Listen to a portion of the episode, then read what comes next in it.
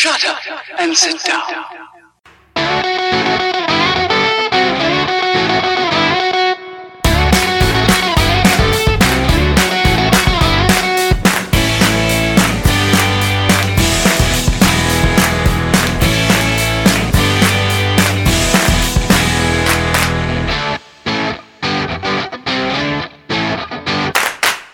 episode 4 podcast Bung kembali lagi bersama gua Bung Koko. Dan gue belum Mas. Ya di episode kali ini kita tanpa kehadiran Bung Gino Mana tuh orang tuh? karena menurut kabar burung yang beredar dia tuh lagi menjenguk pamannya di Saudi Arabia. Inisialnya H- HRS. Cuman mudah-mudahan aja itu cuma hoax belaka ya. Jadi kita berdoa aja supaya Bung Gino tetap ada di Indonesia, ya nggak pergi ke mana-mana.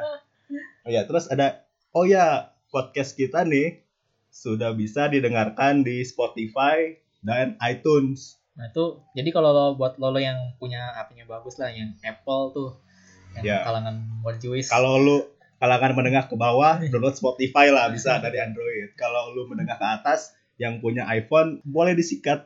Tuh. Episode kita udah nongol di iTunes selain di SoundCloud. Kapan lagi bisa dengerin podcast pun di Spotify? Eh di Spotify sama di iTunes. iTunes. Review Liga Champions game week keempat hari pertama di grup A sampai grup D. Cuman gue mau bahas yang grup paling seru dulu nih. Yang keempat pesertanya masih berpeluang lolos ke babak knockout. Itu dari grup C itu. Pasti yang ini ya yang kalau di Serbia ya. Iya, yang yang per- pertandingan pertama Napoli versus PSG satu sama. PSG unggul duluan, terus Napoli nyamain. Udah lah itu nggak penting. Tapi ya ada catatan, ada catatan menarik. Yang- Apa tuh? Oh si Marek Hamsik kan pemain dengan caps terbanyak, sekaligus gol terbanyak di Napoli. Itu dia udah sah jadi legendanya Napoli dah itu. Kalah Maradona yang kemarin-kemarin dulu. Di pertandingan di Serbia, oh ya gue mau mau ralat pernyataan gue yang episode sebelumnya kan gue bilang waktu itu apa Red Star tuh main tanpa penonton ya. Ternyata kabar yang lebih yang lebih yang lebih tepatnya itu eh, supporternya Red Star itu cuma dilarang away. Jadi di dua away pertama pas dia ke Paris sama ke Liverpool, supporternya nggak boleh datang. Cuman pas di home ternyata kemarin full stadionnya. Ya, makanya ya tau dia hasilnya gimana. Ya kan? Nah, stadionnya itu kan Ratsko Mitic Stadium. Kapasitasnya tuh 53.000 ribu. Apa jenis stadionnya tuh dia sebenarnya mirip-mirip AS Roma gitu. Jadi kan di, dari di antara tribun sama lapangan kan ada itu tuh, ada apa? lintasan atletik ya. Hmm, kayak Indonesia lah. Ya, jadi jarak ke lapangan tuh sebenarnya lumayan jauh. Cuman yang gue salut adalah atmosfer yang bisa diciptakan oleh supporter Red Star dari menit awal sampai menit 90. Tekanan yang didapat oleh Liverpool tuh menurut gua sangat besar lah. Itu tuh menurut gua sampai-sampai ngalahin atmosfer ketika Liverpool away ke Old Trafford tuh nggak nggak nggak serame gitu apa atmosfernya. Apalagi meskipun chance-chance-nya berbahasa Serbia, gua nggak denger tuh chance apa yang nyebut-nyebut Steven Gerrard di match itu.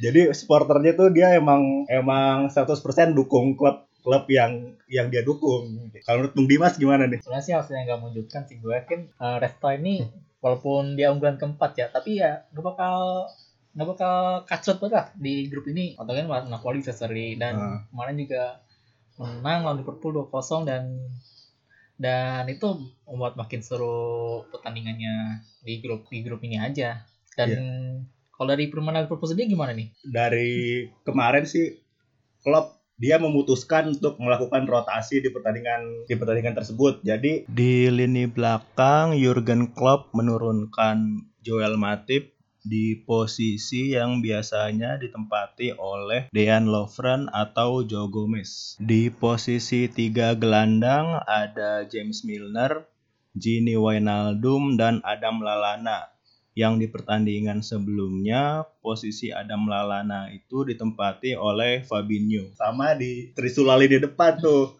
Apa si Firmino nggak main yang main Sturridge. Nah Sturridge tuh awal-awal awal babak pertama sebelumnya dia dapat Iya, satu peluang udah emas itu. banget itu gol itu parah banget sih. iya. Udah udah gol kosong, undangnya ke atas. Iya, jadi Sturridge tidak apa ya, tidak ber- tidak berhasil memanfaatkan kesempatan yang diberikan oleh Klopp untuk turun dari menit awal. Kalau menurut gua kalau Firmino yang main ya mungkin beda lah. Mungkin kena tiang, nggak nggak nggak ke atas ke atas banget, mungkin kena tiang itu bisa. Golnya sendiri itu kan dari set piece sama tendangan jarak jauh ya. Golnya tuh tercipta di menit 22 sama 29. Jadi Dari, dari orang yang sama. iya, 30 menit pertama ketika selisih apa kalau ketinggalan 2-0 selisih golnya cuma 7 menit doang. Terus yang gua yang gua sorotin sih sebenarnya penyakit Liverpool tuh dari pas match lawan Arsenal udah kelihatan. Jadi tiga tiga gelandangnya itu nggak bermain sesuai standar biasanya lah ketika Liverpool pressingnya tuh emang bener-bener bagus. Jadi kalau kalau pakai term yang lagi hangat sekarang tuh menurut gua Liverpool tuh sedang darurat gelandang kreatif. Nah ini pernah pernah gue juga sih di berita. Jadi Liverpool tuh gimana ya? Dia nggak punya gelandang serang murni loh buat di lini di tiga trio lini tengahnya. Kalau kita lihat tuh Wijnaldum tuh lebih gelandang sentral, mungkin rada-rada box to box tapi juga ya biasa aja sih semuanya performanya. meskipun pas di Newcastle sebenarnya Wijnaldum tuh mainnya lebih agresif ke depan kan kan nggak tahu kenapa ketika di Liverpool dia dia kurang ya kurang nyetel lah permainannya itu nggak seagresif ketika pas di Newcastle sebelumnya. Mungkin tuh Liverpool nggak punya gelandang kalau misalnya pakai formasi 4-2-3-1 dia jadi pemain sentral di tiga gelandang serangnya itu loh. iya.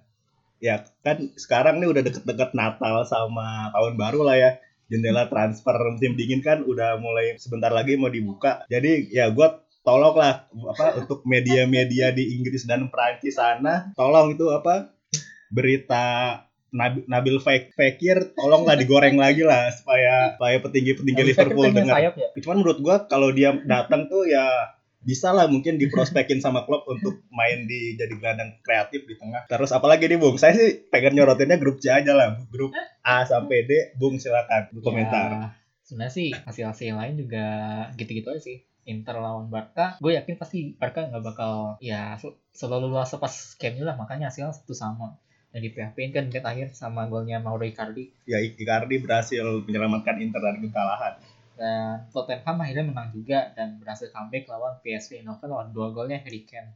Nah ini membuka peluang lolosnya Tottenham juga ke babak berikutnya walaupun masih berat karena si Spurs tuh masih harus tandang ke Nou loh sama ya lawan Inter Milan yang pasti nggak bakal mudah lah. Wes sama satu lagi tuh Monaco lawan klub Bruges. Gue liat 0-4 ya.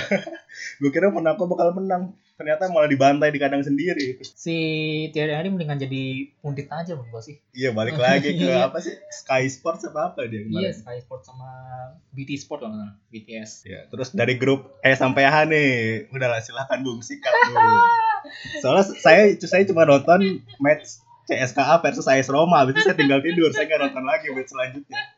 Ini nih Apa? berhasil mematahkan prediksi semua orang ya.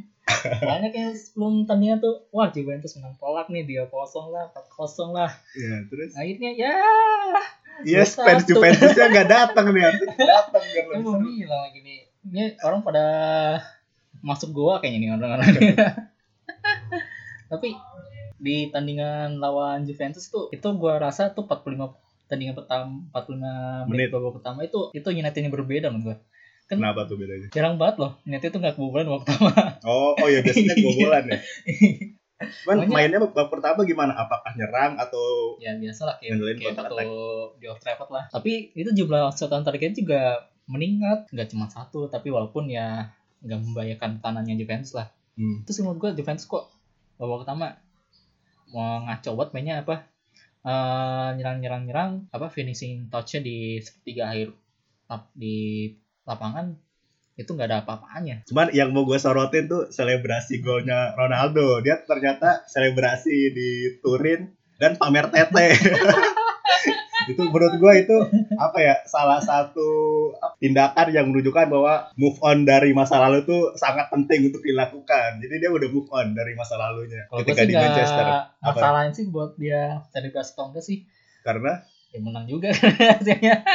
Lagi juga ya wajar sih dia kan ini golnya lawan MU itu jadi gol pertamanya Ronaldo di Liga Champions musim ini. oh bukan pertama ya. Jadi ya wajar lah dia emosional lah. Hmm. Terus ya kan kita tahu lah di MU sekarang juga udah nggak ada apa teman-teman sangkatan dia lagi kan di yang masih jadi pemain di MU. Michael Carrick sekarang jadi asistennya Mourinho. Oh iya, udah udah nggak ada yang teman Jadi ya udah apa sih mau dikenang lagi sih sebenarnya Ronaldo? Ya cuman kalau misalnya ketemu Madrid gue pengen lihat nih apakah dia selebrasi lagi atau enggak. Terus apalagi dari Liga Champion di Ya. grup E sampai H Manchester City menang 6-0. Iya. Dua pertandingan berturut-turut nyetak nyetak setengah lusin gol nih. Gue agak khawatir juga nih ntar di Etihad seret gol. Itu mainnya dia tiap lawan lawan? Shakhtar Donetsk. Iya makanya Dan- kan dan dua, ini- dua match berturut-turut. Tahu yang apa? Nanti goibnya Raheem Sterling. Oh iya itu, Itu dia kan banget ya, kesandung sendiri sebenarnya. masa mas, masa jelas kayak gitu kan wasitnya masih ngasih penalti deh Hakim garis yang yang dekat dekat gawang itu ada di depan dia atau di sebelah sebelah kirinya? ya walaupun di posisi mana pun kan di sini wasit di belakang gawang itu harusnya bisa matiin lah itu kan masih dalam kotak penalti men- menurut gue itu masih di dalam jangkauan Penglihatannya pandangan, iya. untung lah ini bukan di Liga Indonesia kan Kalau di Indonesia udah dipukulin wasit sama wasitnya Sterling. nggak bisa pulang. Cuma kan main kandang sendiri kalau misalnya away itu mungkin fansnya yang bakal iya lebih rame. dan gara-gara itu si Gabriel Jesus jadi hat trick kan Oh iya dia dua kali penalti ya sama satu gol biasa. Cuman nanti di derby antar kampung itu menurut gua yang yang starter Aguero lagi sih iyalah bakal rotasi. Terus si Madrid bangkit ini Oh iya 5-0. 05 ya. tapi menurut gue juga belum teruji sih Karena lawannya Ya. Pilsen. Pilsen lah terus belum menemukan lawan-lawan yang benar-benar mungkin ya mungkin kalau di Liga Spanyol tuh lima besar besar lah Hmm. ya Alaves lah Espanyol kan sekarang tuh tim-tim itu kan lagi di atas kertas di klasemen juga lagi bagus kan Ya, Dan mungkin ada lagi kah atau segitu Ya. aja? untuk game week keempat ini kalau nggak salah cuma baru Barcelona doang yang baru lolos ya Secara Oh, yang udah pasti lolos ya. Hmm. sisanya ya masih harus nunggu sampai match week kelima atau bahkan tunda sampai ke enam itu nggak lolos malah Iya. ya makanya kita tahu dalam tiga minggu depan ya soalnya ada jeda internasional baru Liga Champions lagi ya Ya minggu ini ada match, minggu depan jeda internasional. Atau berarti match Iya, Liga tiga Champions itu tiga, tiga minggu lagi ya. Tanggal berapa? Akhir akhir November ya, Ah. pekan pekan terakhir November. Ya segitu dulu segmen satu eh, review Liga Champions. Nanti kita ketemu lagi di segmen kedua.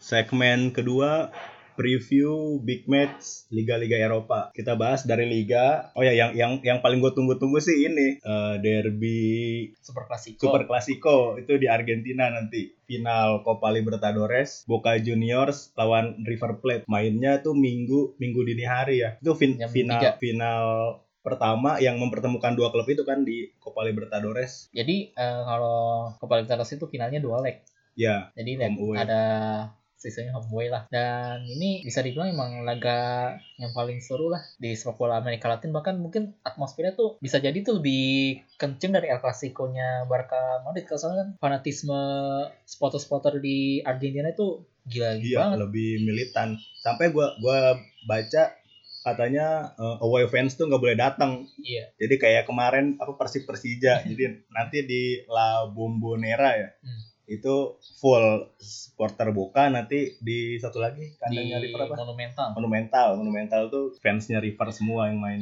tapi kalau gitu nyesek gak sih kalau misalnya apa misalnya di leg kedua nih Oh. Ininya di kandang River Plate kalau misalnya ya eh, Boca Juniors yang totalnya juara Oh. dia ngaring ngaring juara Oh di enggak. tengah-tengah supporter River Plate semua itu di Iya. stadion jadi ya ada plus minusnya lah home away itu Oh. final mungkin ini juga mungkin karena apa ya kenapa sistemnya away eh Liga Champions Asia kan Iya Champions Asia kan Asia juga home away ya. home away dan kebetulan di weekend ini juga ada leg kedua final Liga Champions Asia tuh antara Kashima Antlers lawan Persepolis mainnya di kandangnya Persepolis. Uh, gue nggak tahu sih kenapa jadi di Copa Libertadores itu home away system. Tapi kalau merujuk ke uh, Liga Champions Asia. Hmm. itu salah satunya tuh karena faktor geografis karena Asia kan Asia itu luas. Dan nggak semua negara di Asia itu negara maju ada negara berkembang. Jadi kemampuan daya beli si supporter buat datang ke venue yang jauh letaknya itu nggak sebesar di Eropa. Makanya kan kalau kita lihat kan tuh coba deh lu cek cek apa piala piala Asia yang mainin bukan tim tuan rumah pasti kan sepi itu tandingannya Oh iya, jadi takutnya nanti kalau mainnya di tempat netral gitu penontonnya jadi sepi gitu ya, nggak Karena nggak banyak. daya beli masyarakat itu belum eh, baik di Eropa yang rata-rata tuh udah maju mungkin kondisi sama juga terjadi di Amerika Selatan yang notabene kan negara berkembang juga Oh ya, terus kita move ke derby selanjutnya di apa? Di Jerman dulu deh. Ada derby klasiker. Itu di kandang Dortmund ya, Iya. Dortmund versus Munchen. Selisihnya berapa sih di klasemen sekarang? Hmm, Kalau menang bisa digusur nggak Dortmund? kayaknya belum. Masih masih Soalnya- jauh ya. dan ini teman-temannya sih dalam dalam beberapa tahun terakhir kan biasanya Bermunchen yang dalam posisi unggul ketika eh, menghadapi Der Klassiker. Heeh. Oh bedanya 4 poin. Di Dortmund ada di peringkat satu, terus Bayern ada di peringkat 3. Nah di Dortmund Dortmund ini belum pernah kalah. Tujuh Hmm. dari 10 pertandingan tuh dia tujuh kali menang, tiga kali seri. Si Munchen tuh udah dua kali kalah. Sisanya imbang dua kali dan menang enam kali. Iya, gue sih pengennya ya Dortmund menang lah biar makin seru sampai nanti pertengahan musim. Gak tau deh tuh kehabisan bensin gak? Ini juga Apalagi- tandingan ini sih adu striker soalnya Paco Alcacer lagi jago loh 7 gol di liga top skor sementara dia sama ada beberapa pemain lain juga di top skor kok Munchen Lewandowski nggak nggak ada ya di daftar cetak gol terbanyak. kalau nggak salah dia baru 5 gol ya dan emang ya selaras lah sama performa Bayern Munchen yang masih angin-anginan di musim ini Iya, terus kita beralih lagi ke Liga Italia dulu. Liga Italia ada Juve. Milan ya. Iya. Ah itu mah sama kayak derby terakhir nih, peringkat satu lawan uh, klub papan tengah. Mainnya di kandang mana? Di kandang Juve apa Milan? ini mainnya di kandang Milan Milan ya. Milan kemarin Liga Eropa seri Draw lawan ya, lawan Real Betis kabarnya sih banyak yang cedera loh main Milan itu di pertandingan itu enggak atau iya sebelumnya. akibat terdadan itu ya sama tandingan sebelum-sebelumnya. Jadi kalau dia kemarin itu ada ya lebih dari tiga pemain cedera lumayan itu. Bahkan kalau nggak salah tuh si Gonzalo Higuain juga diragukan tampil. Hmm. Ya mungkin Milan nanti bakal jadi bulan-bulanan Juventus lah untuk jadi pelampiasan atas kekalahan kemarin. Harusnya si Milan bisa belajar lah dari tim jagoan Inggris itu. Oh iya, terus udah derby terakhir nih Ini de- Derby apa namanya? Kota kabupaten sebenarnya. kota kabupaten. Jaraknya de- berapa sih itu jarak stadionnya cuma se- sepelemparan batu lah ya.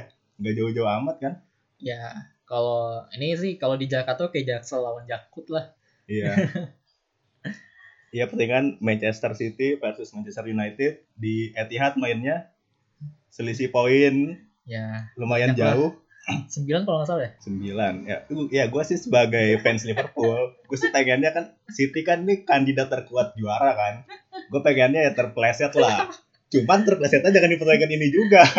Jadi gimana ya gue sih pengennya dua-duanya nol cuman kan nggak bisa tuh. Jadi ya udah nanti kita nonton aja lah gimana hasil akhirnya. Kalau menurut. Bung Dimas gimana nih Kalau gua peluangnya? mustahil clean sheet tuh nih ini nih.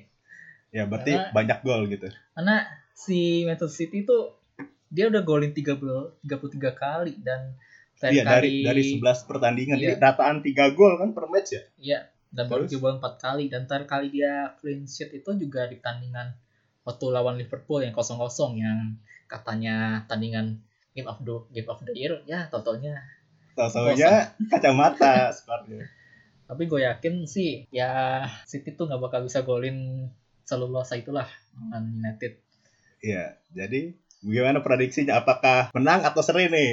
menang ya Menang, menang berapa? 2-1 aja lah 2-1. Golnya gol-gol set piece lagi, gol-gol injury time lagi kayak kemarin. nggak nyulitin tapi gue yakin si fans fansnya City atau fans fans rival bakal nyinyir lah mainnya gimana lah Uh, terus ada ada yang menarik kan nih di untuk apa di pertandingan kali ini? dan lihat sih eh, dari kubu United sih di press conference kemarin si Mourinho tuh bilang semua pemain MU tuh udah fit tampil termasuk Romelu Lukaku yang sebelum-sebelumnya kan dia cedera. Cuma nggak tahu nih bakal satu atau enggak. Dan kalau gue rasa sih kalau di kubu MU sendiri ya mainnya mungkin formasinya itu bakal nggak jauh beda sama waktu lawan Juventus. Hmm. 4-3-3 mungkin strikernya sih eh, mungkin Kalau nggak Lukaku, Sanchez lagi gitu kan? ya Sanchez atau bahkan Marcus Rashford si anak lokal coy bisa jadi starter juga karena emang kelebihan si Sanchez sama Rashford kan dia punya kecepatan dan bisa jadi uh, pertahanan pertama lah kalau ketika City lagi nyerang. Oh ya dia dia dia kan rajin turun ke belakang ya. Kalau Hmm. Lukaku kayaknya gue jarang lihat dia apa apa mundur ke belakang ya kalau misalnya dapat counter kan. Tapi kalau Lukaku tuh gu- bagusnya kalau ketika serangan balik itu main direct tuh bagus. Jadi dia jadi pemantul lah. Oh iya. Nanti kayak waktu lawan Liverpool yang 2-1 itu. Ya, golnya- mengandalkan tinggi badan gitu ya. Nah, dan City juga masih minus Kevin De Bruyne tapi menurut gue sih itu gak ngaruh banyak sih. Ketutup sih De Bruyne tuh udah banyak. Bernardo Silva terus Raheem Sterling juga lagi on fire kemarin waktu lawan siapa? Shakhtar atau sebelumnya. Lawan Liga Inggris sebelumnya itu juga dia dua gol dua assist kalau nggak salah ya. Oh iya. Beruntung banget yang punya dia di EPL tuh Sterling kemarin. Ya cuman harganya dia selevel Hazard kan. Terus apalagi nih? Oh ya Liverpool Fulham menurut gua ya Liverpool pasti apa ya memanfaatkan momen ini buat bangkit lah. Cuman gua masih masih nggak tahu nih tiga midfieldnya itu bakal kayak apa formasi yang diturunin sama Klopp. Soalnya kan eh, kabarnya Nabi Keita udah udah fit nih. Jadi ada kemungkinan main di match lawan Fulham. Henderson juga digadang-gadang udah udah mau turun kan. Nah kalau ngomongin Henderson nih kan kalau dari kubu fans Liverpool kan tuh ter- terpecah jadi dua kubu tuh. Ada yang bilang kalau ini mainnya bagus, ada yang bilang kalau Henderson itu mainnya ampas. Cuman menurut gua setiap kali dia fit kan atau dia available, dia tuh selalu diturunin sama Klopp. Jadi gua sih percaya percaya aja sama apa yang dipilih sama Klopp gitu. Jadi kalau misalnya dia main ya menurut gua berarti dia masih masih dibutuhkan di strateginya Klopp. Nanti kita lihat aja nih hari Ya. Minggu apakah main apa enggak tuh. Lord Bicara Henderson. soal Henderson sebenarnya miris juga sih dari caci-caci maki antara jelek atau agak tapi gimana pun juga kayaknya ya Henderson itu gelandang terbaik di antara yang terburuk di gelandang apa di timnas Inggris loh. Soalnya kalau nggak ada dia nggak ada dia siapa lagi coba? Ini yang mendekati dia Eric Dyer. Oh iya. Iya, di- kalau di tim ngomongin timnas sih, iya di timnas Inggris siapa lagi yang bisa? Dia pilihan terbaik di antara yang terburuk gue ngerasa. Dan apalagi sih yang dituruh di Inggris game begini. Arsenal versus Wolves. Berapa menurut Bung Dimas nih? Oh ya, prediksi Bung Dimas apa MU finish di atas Arsenal kan nih di akhir musim nanti? Dan kan akhir musim, akhir tahun di atas Arsenal ya. Deh, akhir tahun nih dengar. Berarti sampai akhir tahun udah berapa match lagi? Masih lama sih, tapi kan ya Oh ya, di box, Boxing Day berarti udah udah naik lah ya. Boxing Day kan itu udah paling di game 15, 16, 17 lah gitu. Hmm. Ya jaraknya cuma 3 poin kok nih. MU Arsenal sama Spurs juga sama City aja cuma 9 poin. Masa mungkin lah. Masih mungkin. Ya, kita lihat aja City bakal buang poin berapa kali sih. Dia si, si City belum ketemu siapa? Lawan Chelsea belum ketemu kan? Lawan Chelsea Ini belum deh. Bukannya udah ya? Belum memang. Kan Lawan dengan poin dengan poin lawan Wolves sama lawan Liverpool dua tandingan itu. Oh City iya, itu. iya lawan Chelsea. Berarti dulu. belum. Ya udah kita nantikan saja hasil pertandingan weekend ini. Nanti akan kita bahas nih kalau bisa hari Senin bakal naik lagi nih re- apa reviewnya. Doain aja jadi rekaman hari Senin ya. Kita ketemu lagi di segmen ketiga.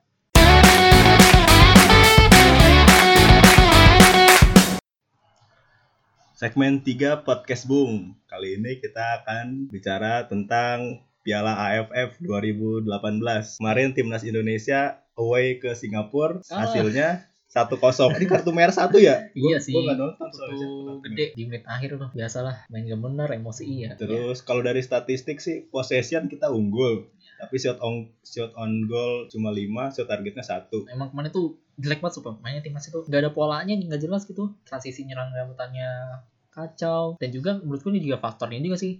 Timnas tuh jarang banget uji coba di luar negeri. Kebanyakan itu dari zaman apa? Zaman sea games tahun lalu lah. Terus sampai Asian Games kemarin juga mainnya di kandang Kadang-kadang terus ya. iya. Ya, dan ini terus? kan itu ngaruh ke mentalitas bermainnya juga. Oh iya, gue baca sih di Twitter katanya malah main long ball kita ya, nggak kayak biasanya nggak apa, nggak main dari kaki ke kaki gitu. dan ya karena persiapan kita kan juga ya terbatas lah kan tahun ini kan Dimas Sakti itu baru ditunjuk beberapa pekan sebelum Piala AFF setelah kita di PHP-in sama PSSI katanya udah kontrak udah deal sama Luis Milla totonya ya Ya, di pertandingan lainnya Thailand pesta gol, cuman ya nggak mengejutkan lah ya, soalnya kan lawannya Timor Leste. yang menarik itu saya kira loh Dia Adi, cetak berapa gol? Adisa Kraisen nyetak double hat trick loh Hmm, 6 gol dia udah auto task ini ya, cuman kan di pertandingan kedua Indonesia kan yang berkesempatan untuk menjamu Timor Leste nih. Ya menurut gue sih harusnya ini di- dimanfaatkan semaksimal mungkin lah untuk mengangkat mental kan a- setelah kekalahan. Cuman nggak tahu deh skornya bakal berapa. Bung ya sebenarnya sebenarnya dengan sistem Piala AFF sekarang yang apa home away. home away dua pertandingan dua pertandingan itu cukup berat kalau misalnya kita tuh seringan kehilangan poin di Di pertandingan away. away. Oh. Harusnya sih kemarin tuh gua ngarep ya seenggaknya tuh timnas bisa dapat satu poin lawan Singapura dan soalnya kan away berikutnya juga lawannya Thailand nggak gampang di Oh, Raja iya. Manggala makanya tim Malaysia ini harus benar habis-habisan lah kalau bisa ya cari gol sebanyak-banyaknya supaya sisi gol tuh bagus. Karena Thailand itu udah Plus. Hmm. dan kita belum tahu kan Filipina belum main. Nanti baru main lawan lawan Singapura iya lawan Singapura. Dan gue rasa sih Thailand sama Filipina itu jadi apa pesaing kuat Indonesia lah untuk lolos ke babak iya selanjutnya. lolos ke selanjutnya. Dan ngomong-ngomong PLFF kemarin juga agak-agak kasihan juga sih sama spotter yang away. Oh iya kemarin tuh ada banyak sebenarnya Iya. gua gua apa ya gua seben- nonton aw- awal-awal kan chance-nya lumayan kencang loh kemarin Iya. Singapura malah nggak kedengeran dari Singapura kan emang ya gitulah spotternya lah cuma Nggak. penonton doang ya nggak nggak apa nggak ngechance chance gitu ya emang banyak sih apa beberapa spotter-spotter away yang ngerelain cuti di hari Jumat supaya Hmm. bisa nonton timnas di Singapura. Mungkin juga nanti di Thailand juga bakal ada lagi nih away Hmm. fans. Cuman gue kan pas lawan Timor Leste kan GB, GBK ya. Ah. Tahun ini kan GBK tuh pas Kamis kemarin dipakai buat sponsor kan. oh ya Gun, Guns N' Roses ya kita Tapi belum lihat apa penampakan lapangannya kayak apa sekarang Iya. Walaupun katanya apa udah dilapisin apalah gitu bahan-bahan Ah. gitu. Cuman ya kita tahu diri kan pengalaman di Indonesia tuh sebagus apa pun juga belum selevel lah nggak dengan selevel sama yang di di Eropa lah ya Kalau misalnya jelek, nyalain lapangan baru Iya kalau gue sih apa ya tetap sama prinsip gue di episode sebelumnya ya dengan ke kepengurusan yang kayak sekarang gimana ya menurut gue kalau kita berharap menaruh ekspektasi terlalu tinggi ke timnas menurut gue kita sendiri yang akan kecewa gitu jadi Iyalah. kalau gue sih untuk meminimalisir kekecewaan itu gue akan mengurangi apa ya jumlah gue nonton timnas gitu jadi biar gak kecewa-kecewa amat Kalau gue sih yang penting berpartisipasi aja lah. ya, ya. jadi nanti di pertandingan home kira-kira Bung Dimas hadir gak nih Sudah memesan tiket belum Gue kayaknya mau hadir tuh pas Di- uh, lawan Filipina atau sana weekend. Oh iya weekend lebih enak ya. tanggal 25. Yap. Kalau bisa sih timnas minimal clean sheet dulu lah. Karena gue di fase grup di sistemnya liga itu kalau clean sheet lo nggak mungkin kalah tapi ada potensi menang jadi ya keuntungannya double lah lo nggak bisa kebobolan tapi bisa menang Segitu aja lah. Pendek sekali ini Iya. apa segmen AFF kita. Mungkin kalau menang nanti akan lebih Iya. panjang lagi obrolan. kan bebas mau. Jadi sampai ketemu lagi di episode selanjutnya podcast Bung. Pamit.